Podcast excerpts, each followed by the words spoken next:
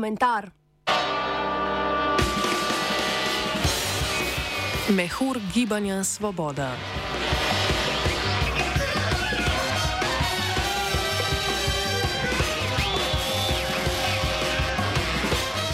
V nedeljo se je malo manj kot polovica vseh slovenk in slovencev udeležila gasilske veselice demokracije, lokalnih volitev. To so edine volitve, na katerih lahko lokalne skupnosti za svoje župane, občinske svetnike in predstavnike četrtnih skupnosti neposredno izvolijo so krajane, ki jim zaupajo, ne da bi pri tem čutili pritisk tega, da morajo političnim nasprotnikom preprečiti izvolitev. No, vsaj tam, kjer je izbira sploh mogoča. Za zaupanje svojih sokrajanov se je na letošnjih lokalnih volitvah pomerilo 618 županskih kandidatov, od tega jih je bilo 48 48 imenovanih brez konkurence. Toda, ker gre še zmeraj za volitve, pri katerih rezultati odražajo intimnejšo podporo političnim akterjem, so bile lokalne volitve izvrstna priložnost za stranko Gibanja Svoboda, zmagovalko aprilskih državno-zborskih volitev, da Sloveniji in verjetno tudi sebi končno dokaže, da je več kot samo novi protijanšistični obraz.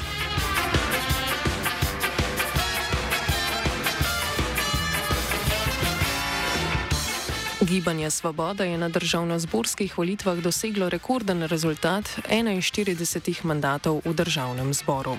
To je več, kot je, kot je dosegla katerakoli stranka v zgodovini samostojne Slovenije. Njihova zmaga je vsaj začasno prekinila obdobje multipolarnosti slovenskega liberalizma, ki je očitno potreboval samo še eno kataklizmično vlado Janeza Janše, da se je ponovno poenotil. V preteklih eksperimentih tvorbe enotne hegemonske liberalne stranke je mogoče opaziti ponavljajoči se motiv kulta osebnosti, ki ga stranke poskusijo ustvariti, če tudi neuspešno. Čeprav je kult osebnosti gotovo pretirana opredelitev za način vladavine premijejev, kot sta bila Marjan Šarec in Miro Cerar, sta oba svoji stranki vendarle poimenovala kar po sebi.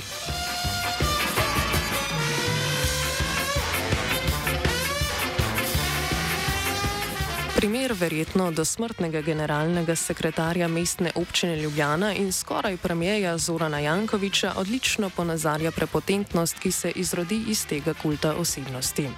Jankoviča, ki je pozitivno Slovenijo pripeljal do prvega mesta na državno-zborskih volitvah leta 2011, je že takrat prehitev lasten ego, komu ni uspelo sestaviti koalicije, ki bi vključevala državljansko listo Gregorja Viranta.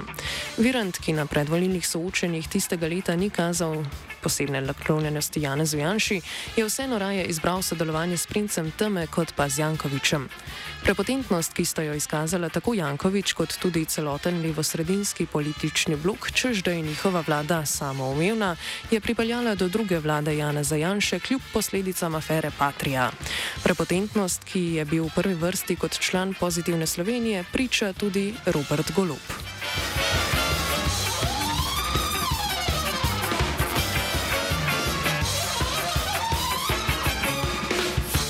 Oktobra in novembra se je v več občinah in mestih na džambo plakatih pojavil obraz Roberta Goloba in predsednice državnega zbora Urške Klakočar Zupančič na mesto županskih ali svetniških kandidatov.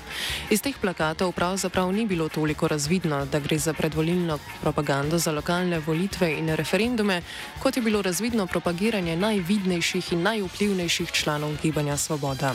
Že sama poteza, da se v času predvolilne kampanje za lokalne volitve dela reklama s predsednikom in podpredsednico, ah, se upravičujemo, podpredsednico stranke, odraža interna razmerja moči v gibanju Svoboda. To vrstna propaganda sicer ni nič posebno novega za slovenske politične stranke, ki so se več kot pripravljene pohvaliti s svojimi vodi, zlasti v času parlamentarnih volitev, je pa predvsej nenavadna za lokalne volitve, ko bi moral biti vsaj na vzven večji poudarek na lokalnih kandidatih kot pa na strankah. Uporaba teh plakatov za lokalne volitve lahko nakazuje, da gibanje Svoboda sploh še nima druge identitete od svobode same, ki naj bi jo poosebljali Robert Golop in ekstravagantni medijski nastopi Urške Klakočar Zupalčič.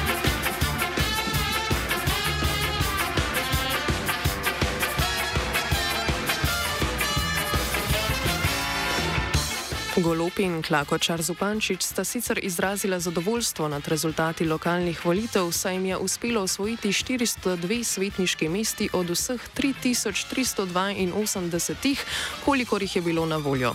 Golop izvoljene svetnike Gibanja Svoboda izpostavlja kot glavni cilj na letošnjih lokalnih volitvah. Verjetno pa vseeno ne prevladuje največje zadovoljstvo nad tem, kako se je odrezalo 51 svobodnih kandidatov za župane, med katerimi sta bila v prvem krogu izvoljena samo Alenka Kovač v Osilnici in aktualni župan Kupra Aleš Bržan. Pa še tega je Svoboda zgolj podprla. Socialni demokrati, ki so na državno-zborskih volitvah dosegli trikrat slabši rezultat od Svobode, so za primerjavo v prvem krogu lokalnih volitev dobili 10 županskih mest s, štiri, eh, s 54 kandidati in 270 svetniških mandatov. Poleg tega se je devet županskih kandidatov SD uvrstilo v drugi krog volitev, v katerem se bodo pomerili pomerili samo trije županski kandidati Gibanja Svoboda.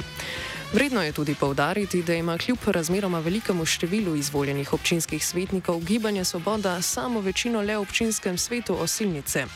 Prepotentnost je zreti porazu obraz in še zmeraj trditi, da si zmagal.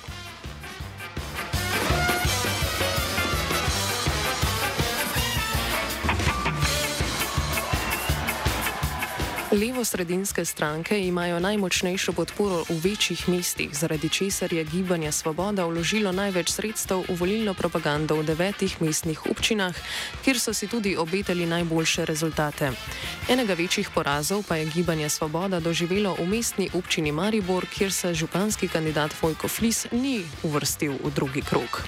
Člani Gibanja Svoboda so v nedeljo po znanih rezultatih z volišč na mesto Flisu odšli kar v štab aktualnega župana in favorita z nov mandat Saše Arsenoviča. Na državno-zborskih volitvah je Svoboda v vseh sedmih volilnih okrajih Maribora osvojila prepričljivo zmago, ki se je v povprečju gibala pri okoli 40 odstotkih glasov. Na lokalnih volitvah je Svoboda v Mariboru dosegla 20 odstotkov glasov za občinski svet, vendar je Flis župansko tekmo izgubil proti trenutnemu županu Saši Arsenoviču in celo proti nekdanjemu županu Francu Kanglerju, ki je kandidat desnice. Na prvi pogled paradoksalno je gibanju Svoboda lastna meščanska volilna baza na lokalni ravni izrekla nezaupnico.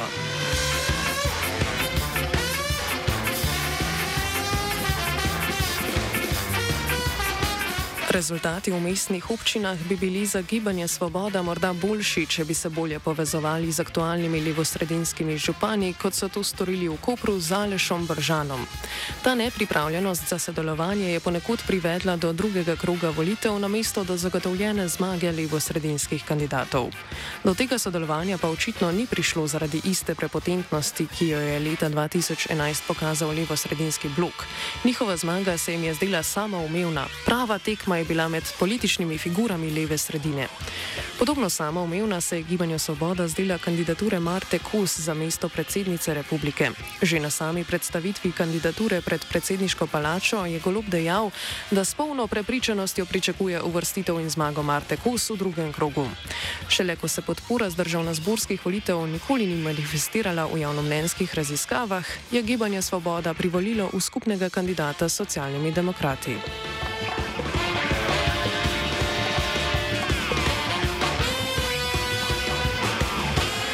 Kot kaže, se gibanja Svoboda ni moglo povezati z večjim številom močnih kandidatov na lokalni ravni, ker sploh nima nobene lokalne prisotnosti.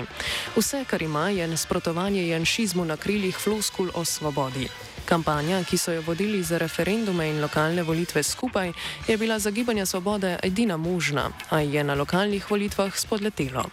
Če bo prihajajoče referenduma morda gibanju svoboda še uspelo zmagati s karto antijanšizma, pa so lokalne volitve jasno pokazale, da takrat, ko voljivci ne volijo predvsem proti nekomu, gibanje svoboda nima pokazati ničesar. Prepotentna samozaverovanost v lasten uspeh tu prav nič ne pomaga.